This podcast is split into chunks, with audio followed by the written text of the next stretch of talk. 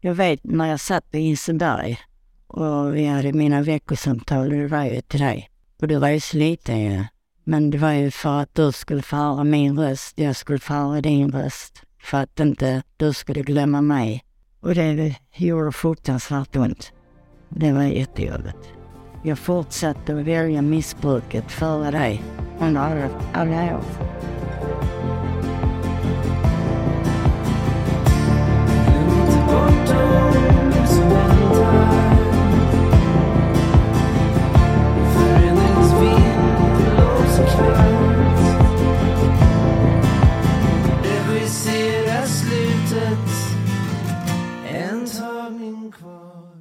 Hej Marie och varmt välkommen till Barnrättspodden.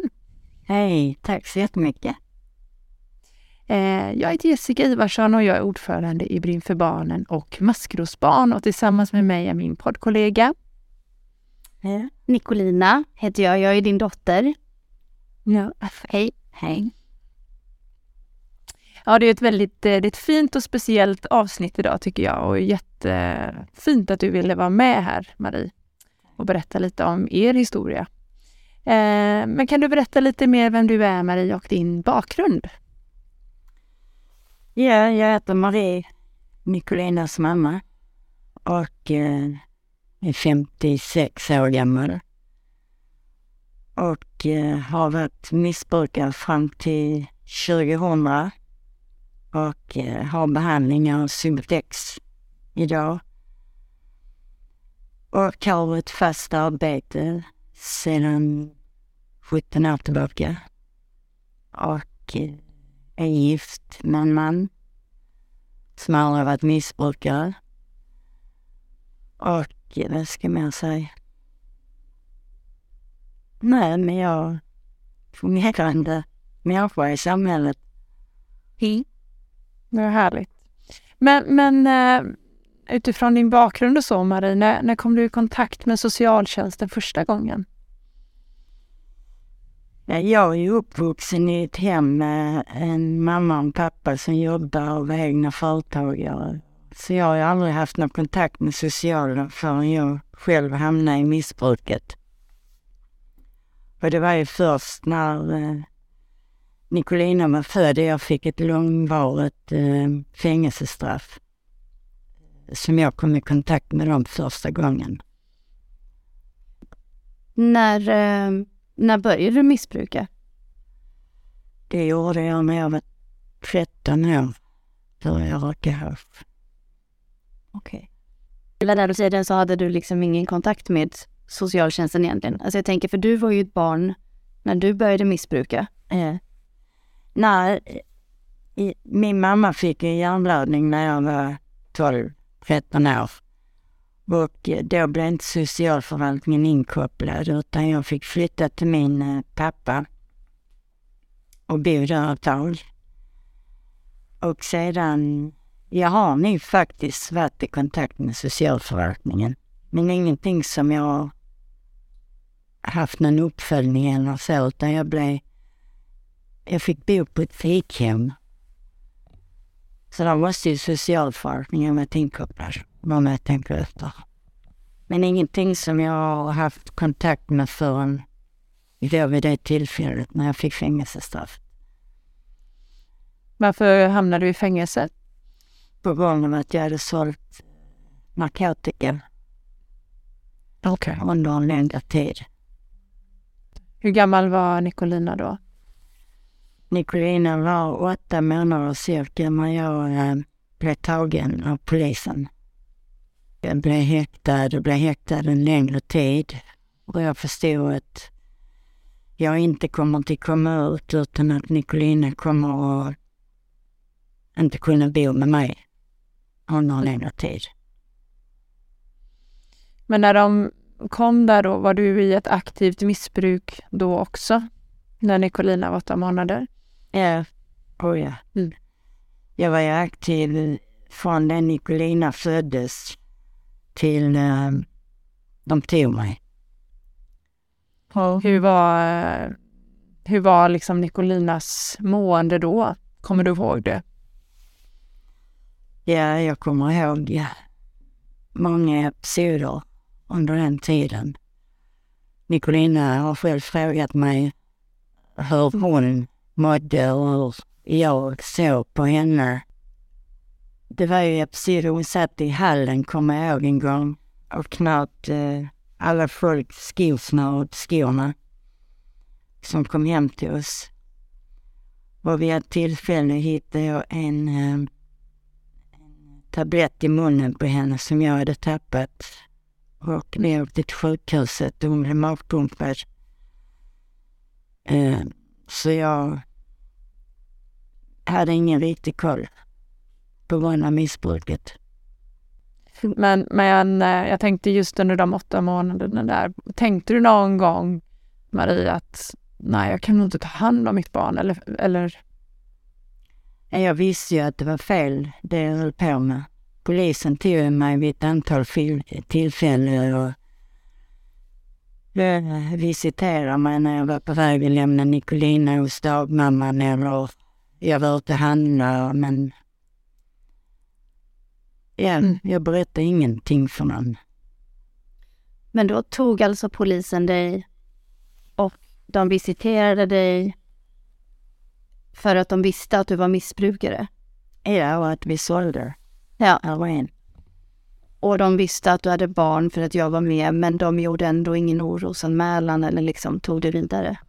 Ja, det gjorde de inte.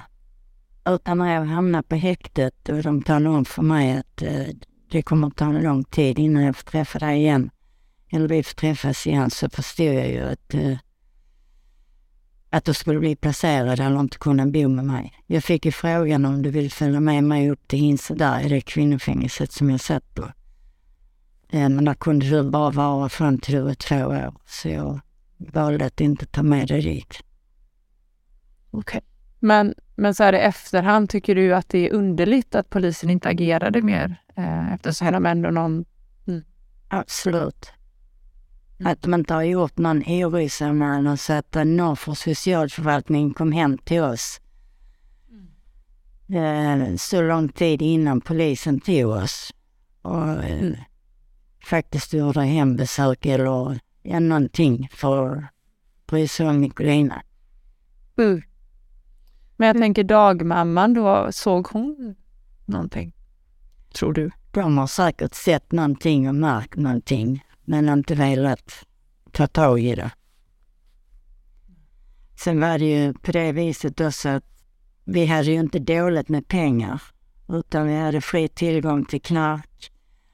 Nicolina var välklädd, hon var ren, hon var hel. Eh, men hon fick ju inte den tillsynen som ett barn ska ha i den åldern. Nej. Jag, jag tänker, kom du drogpåverkad till dagmamman någon gång? Ja, och ja. Det var det första jag gjorde på morgonen, så var det att ta påbörjat för att fungera. Mm. Det är ju någonting som vi eh, har pratat om, du och jag mamma, just det här att du... För att i vår lägenhet så fanns det två toaletter. Och du gick alltid in på den lilla toaletten och tog ditt heroin. Mm. Och jag kröp efter och satt utanför och... Slog på dörren när jag var där inne. Ja, du visste att jag var konstig när jag kom ut därifrån. Mm. Men märkte man på det då, tänker jag, Marie? Alltså, jag, alltså, man blir ju såklart förundrad utifrån att ingen gjorde någonting. Mm. Eh, som ändå, för du kommer ju ändå i kontakt med andra personer också, tänker jag. Mm. Inte men märkte man på det, tror Ja, men också dagmamman som ändå såg det då varje dag i princip. Mm. På vardagarna då kan jag tänka mig. Eller, eller kunde du hålla ihop det just då, tror du? På något vis så fungerar man så när man är i ett missbruk att man försöker hålla ihop det. Och vi sålde ju rätt mycket heroin i Malmö vid den tiden så att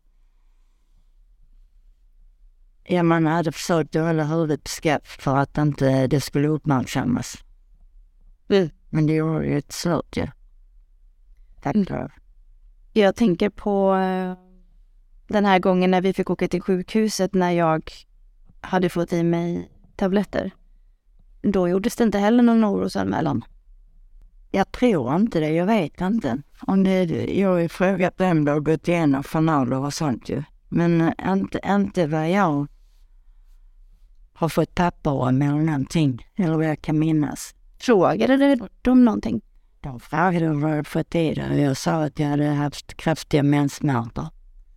Och det var inte konstigt eftersom jag, hade, jag sa att jag skulle borsta tänderna på dig på kvällen och så att du hade vitt i mungipan. Jag smakade på det, smakade att smaka medicin. Och sen så tog jag stoppade in fingret i munnen på och där var halva tabletten kvar. Och jag blev livrädd och ringde giftcentralen. De sa att vi skulle åka in direkt. Så det var ingen som gjorde någonting på sjukhuset vad jag kommer ihåg. Hur gammal var Nicolina då? Ja, hon hade fått lite tänder så det var ju sex månader kanske. Ja. Han pröt. ja. Jag tänker, var din graviditet med Nicolina, var den planerad? Ja, Nicolina var planerad. Och jag bodde ju uppe i, i en liten lägenhet i Bodafors för Nicolinas pappa han satt ju rätt mycket i fängelse så jag fick anpassa mig efter var han satt någonstans. Och just vid det tillfället så när jag bodde i Bodafors så satt han i Linköping. Så under graviditeten så bodde jag där uppe. Och Nicolina är född där uppe också. Och sen så fort du föddes så flyttade vi till Malmö. Men jag tänker när du blev gravid med Nicolina, då, då var du också i ett aktivt missbruk då? Inte på heroin på det viset. Utan då var jag mer blandmissbrukare. Men jag var ju aktiv ändå givetvis. Mm. Tänkte du någon gång just att det kanske inte är det klokaste att bli gravid utifrån min situation? Jag kommer ihåg att jag rökte rätt mycket hasch och jag vet att jag sa till Nicolinas pappa att det här är inte bra. Mm. Det kommer jag ihåg. Vad sa de på mödravården? Jag tänker man går ju på, eller i alla fall nu när jag har varit gravid så har man gått på mödravården på regelbundna kontroller och sådär. Eh, Där man bland annat pratar om man har något beroende eller hur ens alkoholvanor ser ut och så. Pratade de någonting med dig om? Nej, ingenting. Jag vet att du någon gång har berättat att det enda de sa var att du inte skulle sluta missbruka, alltså din andra graviditet, för att det var farligt. Ja, men det var en annorlunda graviditet. Där missbrukade jag ju under hela tiden, i stort sett. Och där, det är nog den enda gången jag har fått en tillsägelse om att inte sluta missbruka. På det viset. Men annars så pratade man inte med dig om det liksom. Nej. Men såg, eh, alltså förstod MSC att du var i ett missbruk med Nicolina? Eh, Efter Nicolina var född, nej. Men inte innan, inte när hon låg i magen? Nej. Nej. Men jag tänker, ehm, ditt, ditt nätverk runt omkring, var det någon som försökte påverka dig att eh, du kommer inte kunna ta hand om Nicolina? Ska du verkligen behålla barnet? Alltså fanns det någon som försökte påverka just för, för Nicolinas skull, eller på att säga då? Jag vet ju att Nicolinas farmor, hon sa ju aldrig någonting om att jag skulle ta abort eller om att det här. Hon var, Nicolinas farmor var ju väldigt orolig under graviditeten. Och även efter Nicolina var född. Det uttryckte hon rätt så ofta. Hon var ju hemma hos oss mycket också för att se hur Nicolina hade det. Okej. Så ni fick mycket stöd, eh, du och din man, och just eh, från? Ja. Hon var väl också en av de första som jag fick bo hos när ni hade blivit häktade. Alltså en kort tid eller? Om jag har förstått det rätt. När det var den här akuta placeringen liksom, eller när jag inte kunde bo någonstans. Ja, och din farbror. Just det. Ja. Eh, Men jag tänker BVC, gick, gick du något på BVC med, med Nicolina? Så länge hon bodde hos dig då, tills hon var åtta månader? Ja, jag kommer ihåg det här ovanför kortet. Jag vet inte om du har kvar det. Jo, det är nog. Det står inte så mycket i det, men Men, men det var ju väga och mäta och Du fick dina sprutor som du skulle. Men sen bodde du ju inte så länge hos mig. Men de märkte ingenting heller då, Marie, eller? På BVC? Ja. Ja. Jag vet inte om jag har varit väldigt duktig på att dölja mitt missbruk. Mm. Och du kände inte att det var någonting som du liksom ville säga heller? Eller det vill man kanske inte när man... Nej, inte då. Kände du dig någon gång rädd över att du inte skulle få ha mig kvar? Så jag tänker innan du blev häktad och det. Tänkte du någon gång så här, tänk om jag inte får behålla mitt barn? Men vi skulle ju sluta vara då. Det här var ju det sista vi tar. Nu är det här partiet som har fått in, det ska vi sälja och sen så lägger vi av. Men så blir det aldrig. Och hur ser det ut när man liksom tar heroin, då var det väl då? Eh, har man en uppfattning om, alltså jag tänker just på barnet, alltså Ja, alltså, man kan ju ta så mycket så att man sitter och, och är bedövad och somnar hela tiden. hur, Men jag hade... Nej, jag har inte somnat ifrån den någon gång. Men jag tänker på farmor säger du ändå uppmärksammade och förstod hur det var och var där för att hjälpa Nicolina. Men gjorde hon någon orosmejlan? Tog hon kontakt med socialtjänsten? Nej, hon vågade inte. Hon visste nog inte hur man skulle göra heller. Hon uttryckte vid många tillfällen att eh, ni måste sluta och, och att Nicolina inte hade det bra och så, så sa jag. Du var hel och ren men du fick ju inte den tillsynen och omvårdnaden som du behövde. Nej, det fick du ju inte. Finns det... Jag tänkte på, så det är ju säkert mycket som har påverkat dig såklart, eller det finns ju mängder med saker. Men finns det någonting som liksom har... Någon händelse som har påverkat dig extra mycket när det gäller just mig? Så. Alltså innan du flyttade ifrån mig eller? Ja, eller bara rent generellt liksom någonting som... Jag vet ju när jag, när, när jag satt på Inseberg och vi hade mina veckosamtal, det var ju till dig. Och du var ju sliten ju. Men det var ju för att du skulle få höra min röst, jag skulle få höra din röst. För att inte du skulle glömma mig. Och det gjorde fruktansvärt ont. Det var jättejobbigt. Och sedan att jag fortsatte att välja missbruket före dig. Under alla, alla år. Men när du satt i, i fängelse där, hade du något umgänge med Nicolina? Fick ni ses någon gång eller var det bara... Jag hade ju permissioner så jag åkte ner och träffade dig. Jag var väl också med någon gång uppe. Jag tror du var uppe en eller två gånger. Jag vet inte. Hur? Jag med dig. Och hur länge, hur länge satt, du, satt du i fängelse då? Tre år. Tre år. Okej. Mm.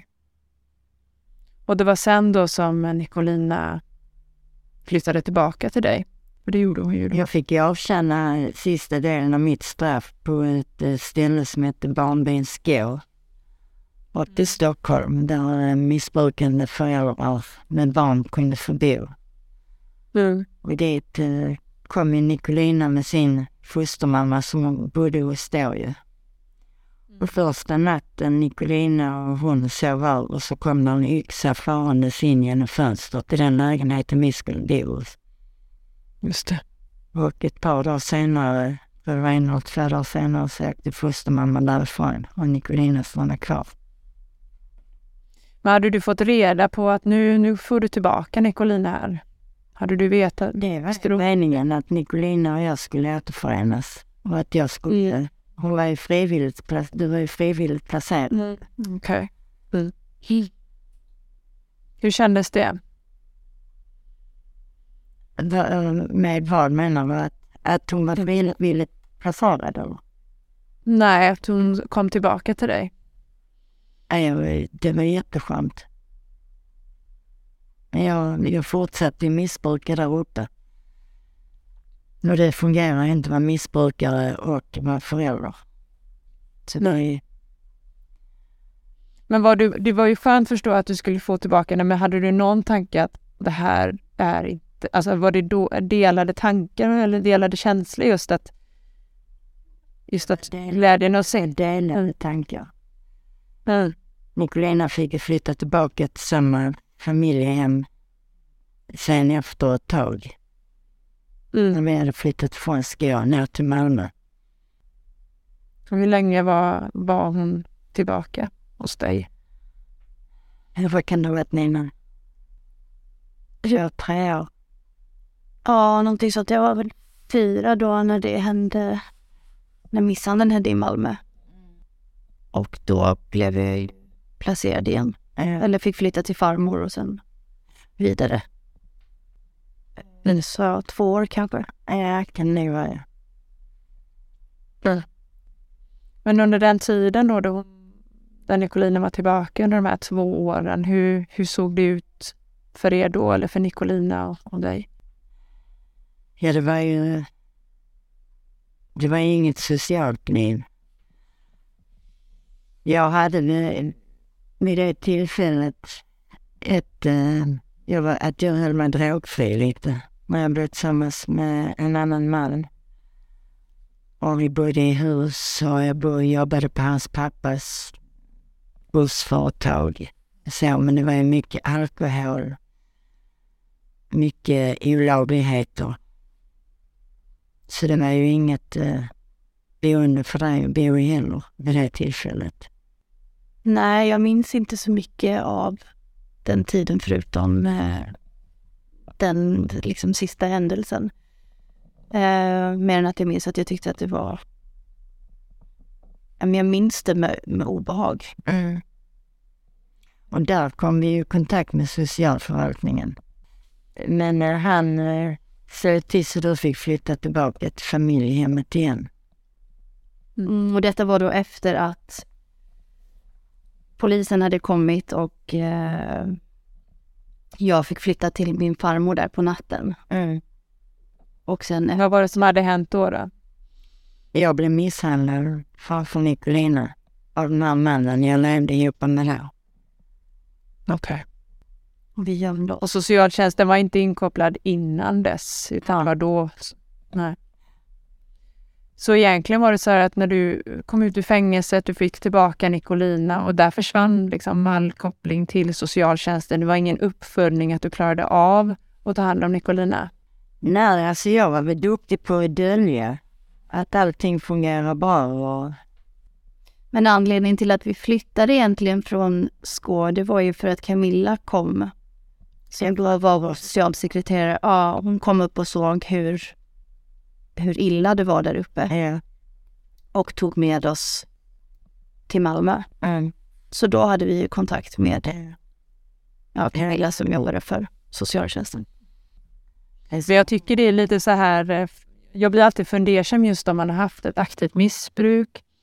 Eh, Och just som vi pratade om tidigare också med, med Camilla, just socialarbetarna, att eh, om man har varit i ett aktivt missbruk under en lång tid och man får tillbaka sitt barn så är det en stor sårbarhet i det såklart. Alltså att ta hand om ett barn är ju en utmaning i sig. Eh, och, just om man, ja, och just om man har den här missbruket med sig också så får jag för mig att det är lättare att hamna i det där igen såklart utifrån att man får olika utmaningar i livet och ett barn kan ju utmana en på olika sätt också såklart. Ehm, så jag tycker alltid det är så fascinerande att man inte har någon form av närmare kontakt, liksom en uppföljning kontinuerligt. Ehm, Ja, och någonting som jag tyckte var lite skrämmande när jag ser tillbaka på det nu är väl själva övergången, tänker jag. ja, Alltså från det att jag hade bott i fosterhem eh, första gången och skulle tillbaka till dig mamma. Den överlämningen skedde ju över en helg ja, i princip. Alltså hon, fostermamman var bara med på skolan i dagar. Ja. Eh, och dessutom så eh, sker det här med yxan som i sig är väldigt oroväckande. Och sen så lämnar man liksom, det fanns ingen långsiktig plan för hur vi skulle skapa en relation igen utan Ja, där skulle ju få hjälp med uppe på Skå ju. mm, Men det, det var ju ingen sån hjälp. Nej. Nej, jag tänker just att det skedde liksom inga umgängen i två, tre timmar, fem, sex timmar över en natt, över en helg, utan det var... Ja, precis. Man bröt direkt ja. För du hade ingen kontakt med familjehemmet alls där eh, under de två åren. Nej. Ja, inte mycket. Det var väl vid något enstaka tillfälle, men inte alls. Mer än då sen när eh, Nicolina, du fick flytta tillbaka. Och de var villiga att ta emot dig igen. Du, Och hur såg det ut då? Alltså hur såg umgänget ut då? Eh, Jag var ju snabbt tillbaka i ett aktivt missbruk. Och eh, vi hade en socialassistent ju då när Nicolina, du flyttade hit andra gången, som sa till mig att nu ska vi åka ner till Nicolina idag och se till så du inte tar så mycket så du är helt, helt väck i huvudet. Och jag åkte ner och vi träffades och sedan fick jag i metadon. Och så började du komma hem lite mer. där. Bodde ni långt ifrån varandra då eller hur såg det ut? Bodde ju på Österlen och jag bodde i Malmö. Mm. Okej. Men då var det också väldigt oroligt stundtals. Alltså just kring min, eller vad jag minns, sju, åtta, nio års ålder, då var det ju väldigt oroligt. I familjehemmet, ja. Nej, alltså jag tänker på, ja i familjehemmet också, men jag tänker i din situation, alltså här var det ju jättemycket missbruk. Och då var du där, då var du där över helger och så? Ja, det var jag ju. Eh, och jag hade vid det laget också börjat åka själv, alltså att de satte mig på tåget på Österlen. Och sen så hämtade mamma mig i Malmö, så det fanns ju inte heller någon vuxen som kunde kontrollera ditt mående när vi sågs, utan jag hoppade på tåget själv i Simrishamn och du hämtade upp mig i Malmö. Mm. Och sen satte du mig på tåget hem och så hämtade de mig i Simrishamn. Och hur såg de helgerna ut då Marie? Ja, jag smög med mitt missbruk ju, men Nicolina hon... Du märkte ju det rätt så. Jag märkte allt. Du märkte allt ju. Men det var ju titta på film, käka godis, göra lite roliga grejer. Och sen åkte du hem igen. Mm. Hur tyckte du samarbetet med socialtjänsten såg ut, eh, Marie? Från och till bra och dåligt. Jag har nog varit rätt som, eller jag var rätt så manipulerande. Mm. Som man är när man är missbrukare. På vilket sätt då menar du? Ja men att Nicolina hade haft det bra, vi hade haft det bra under helgen och jag hade inte tagit så mycket och jag hade inte tagit någonting alls. Så jag fejkade mina urinprover. Hur gjorde man det? Ja, det är många sätt man kan göra det på. Men det är inte så att, för jag har hört då att egentligen då om man ska göra ett riktigt drogtest, då ska man ju titta på när någon står och kissar då. Mm. Men, men så var det inte kanske. Hur tycker du att eh, samarbetet både med socialtjänsten men också med familjehemmet, hur tyckte du att det funkade? Hur tyckte du att det samarbetet funkade? Jag vet inte om det har fungerat bra utifrån familjehemmets sida med socialen eller tvärtom. Ja, Jag tänker ditt och familjehemmets samarbete. Jag fick ju höra mycket att du var utåtagerande och att du hade gjort det och att det var så och det var si. Och, sen fungerade det inte riktigt heller med fostermamma med dig. Ja, Och du var ju i puberteten och i tonåren och det var många turer kring det. ja framförallt mådde jag ju väldigt dåligt. Men Marie, var du orolig att eh, Nicolina skulle hamna i ett missbruk också?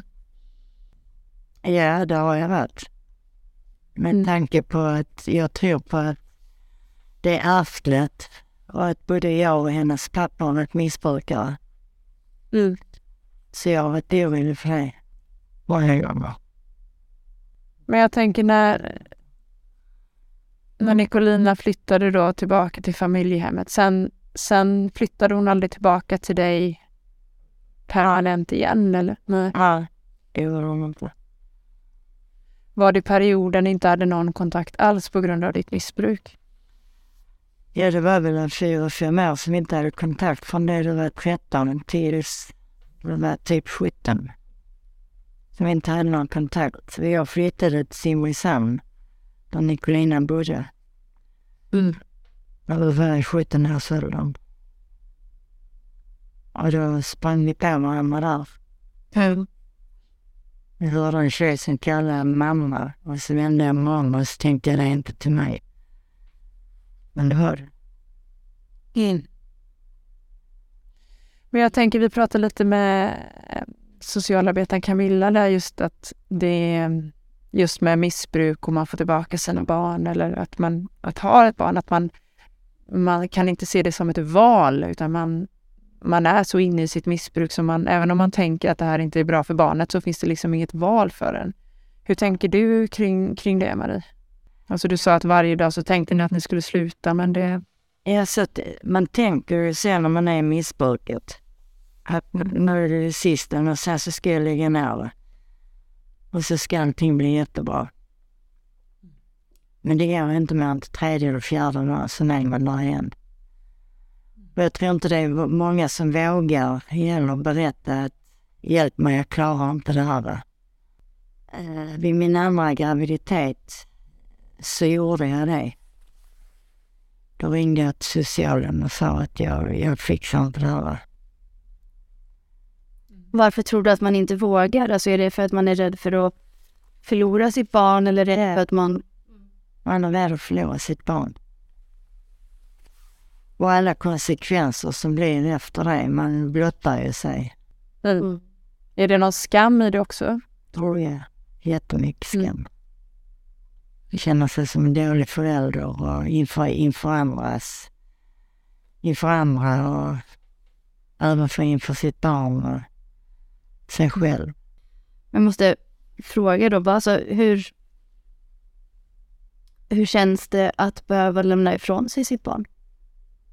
Och hur känns det att behöva leva utan sitt barn? Det gör ont. Um, och missbruket blir mer destruktivt när man inte har sitt barn hemma. Det låter sjukt att säga så, för det är ju destruktivt även när barnet är hemma. Men uh, ja, det är mycket värre. Hade du någon förståelse, alltså även om det är fruktansvärt att lämna från sitt barn så såklart, kunde du ändå se att det var nödvändigt? Absolut. Absolut. Nicolina bodde inte bra hemma hos mig och absolut skulle hon inte bo hemma hos mig heller när jag var igång i ett aktivt missbruk. Men jag önskar att jag hade tagit itu med mitt missbruk långt tidigare. Vad, vad önskar du att vuxna omkring dig hade gjort? Gjort som Camilla, tagit henne ifrån mig. Tycker du att du skulle få tillbaka Nicolina direkt när du kom från fängelset eller tycker du att man ska ha prövotid? Ja, det skulle varit prövotid. Det skulle varit... De skulle kollat upp eh, det här behandlingshemmet jag åkte till och... Ja, när man hade suttit, suttit på fängelse en längre tid så vill man bara komma därifrån. Och det var väl i stort sett vad jag tänkte också när jag valde det här stället. Att vad som helst utom att sitta här uppe. Och vad var det som gjorde att du tog dig, ut, eh, tog, tog dig ur ditt missbruk till slut? För när ni träffades då när Nicolina var 17, Mm. var du fortfarande i ett missbruk då? Nej, det var jag inte. Jag fick metadon då 99, 2000 och det var en läkare som sa till mig att om du inte tar metadon nu så kommer du dö. Så då blev jag metadon. Och sen på den vägen är det. Den har inte varit spikrak hela vägen sedan dess men nu har jag varit helt drogfri sedan 2000 med Subutex och metadon. Och jag har haft ett par återfall under vägen på ångestdämpande tabletter, men inget aktivt heroinmissbruk. Trodde du någon gång att vi skulle ha den relation vi har idag? Nej.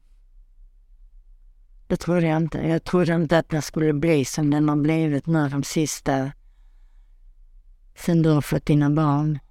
Och att vi, vi skulle våga närma oss på det viset. Vi har en lång bit kvar nu, absolut. Jag är så tacksam att jag har vaknat till och fått det livet jag har fått. Jag har fått dig tillbaka.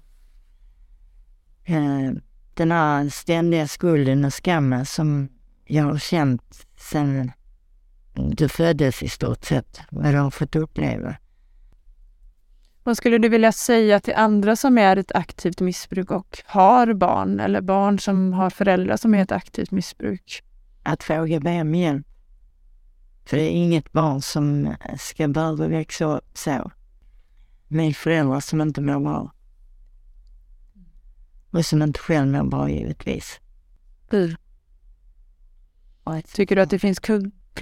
Mm. Att socialen kanske mer går in och har mer koll nu på som den här nya socialtjänstlagen och att man har eh, ett större ansvar och, och göra djurrättsanmälningar. Tycker du att man har... Ja, nu har det ju hänt mycket, men, men på din tid då, eller när allt skedde, tyckte du att det fanns kunskap om missbruk eh, hos socialtjänsten? Nej, inte riktigt. Inte så som jag tycker det är nu. Nu har det kommit många fler nya droger än vad det var när jag var yngre. Mm. Men eh, ja, det var som när mina föräldrar satt och läste på mjölkpaketen. Så här kan du se om ditt barn har rökat hasch. Det stod på mjölkpaketen förr.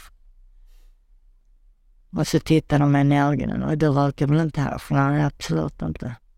Nu är det mer eh, information om droger och så, vad det gör till ungdomar. Och att det är många fler ungdomar också som får hjälp. Som kanske kan bli stoppade i tid och slippa allt det här. Eh, Marie, eh, vi pratade förut med Camilla just det här om att hon tycker det är fel att, att barn används som morötter för, eh, för föräldrar för att sluta med sitt missbruk. Hur, hur tänker du kring det? Jag tycker också det är fel, för det är så beroende från person till person vilket missbruk och omständigheter runt alltihopa. Men jag, jag tror inte på det att, att om du slutar missbruka så får du tillbaka din dotter eller son eller då träffar du mer eller mindre eller så. Jag tror på att de, som Camilla sa, att de ska veta vad sina föräldrar är. Mm. Eh, det har jag alltid tyckt. Men att du kan ju inte tala om för missbrukare att vi ber dig sluta missbruka för ditt barns skull. Jo, man kan säga det. Men det måste komma inifrån en själv om man vill sluta. Det kan bara komma inifrån en själv. Eh, jag tänker bara som en avslutande fråga också, Marie, men, men vad skulle du säga till folk som som har en missbrukare i sin närhet och som har ett barn, vad skulle du vilja uppmana de personerna runt omkring? Att eh, gå till socialen och säga vad du vet. Att här är ett barn som bor i en miljö som den ska bo i. Det måste man. Återigen att vara modig då och agera för barnen. Ja, absolut. Ja, starkt samtal Marie. Tusen tack för att du ville dela med dig. Tack Verkligen. Det har varit så många turer hit och dit så lite svårt att hålla ordning på allting. Ja. Men jag är tacksam för att det är som det är då. Mm. Ja, verkligen. Det är en fantastisk andra chans ni har fått. Som inte alla får. Tack så jättemycket mamma. Tack ska ni ha. Tack. Brinn för barnen, brinn för dem. Brinn för de som inte somnar om.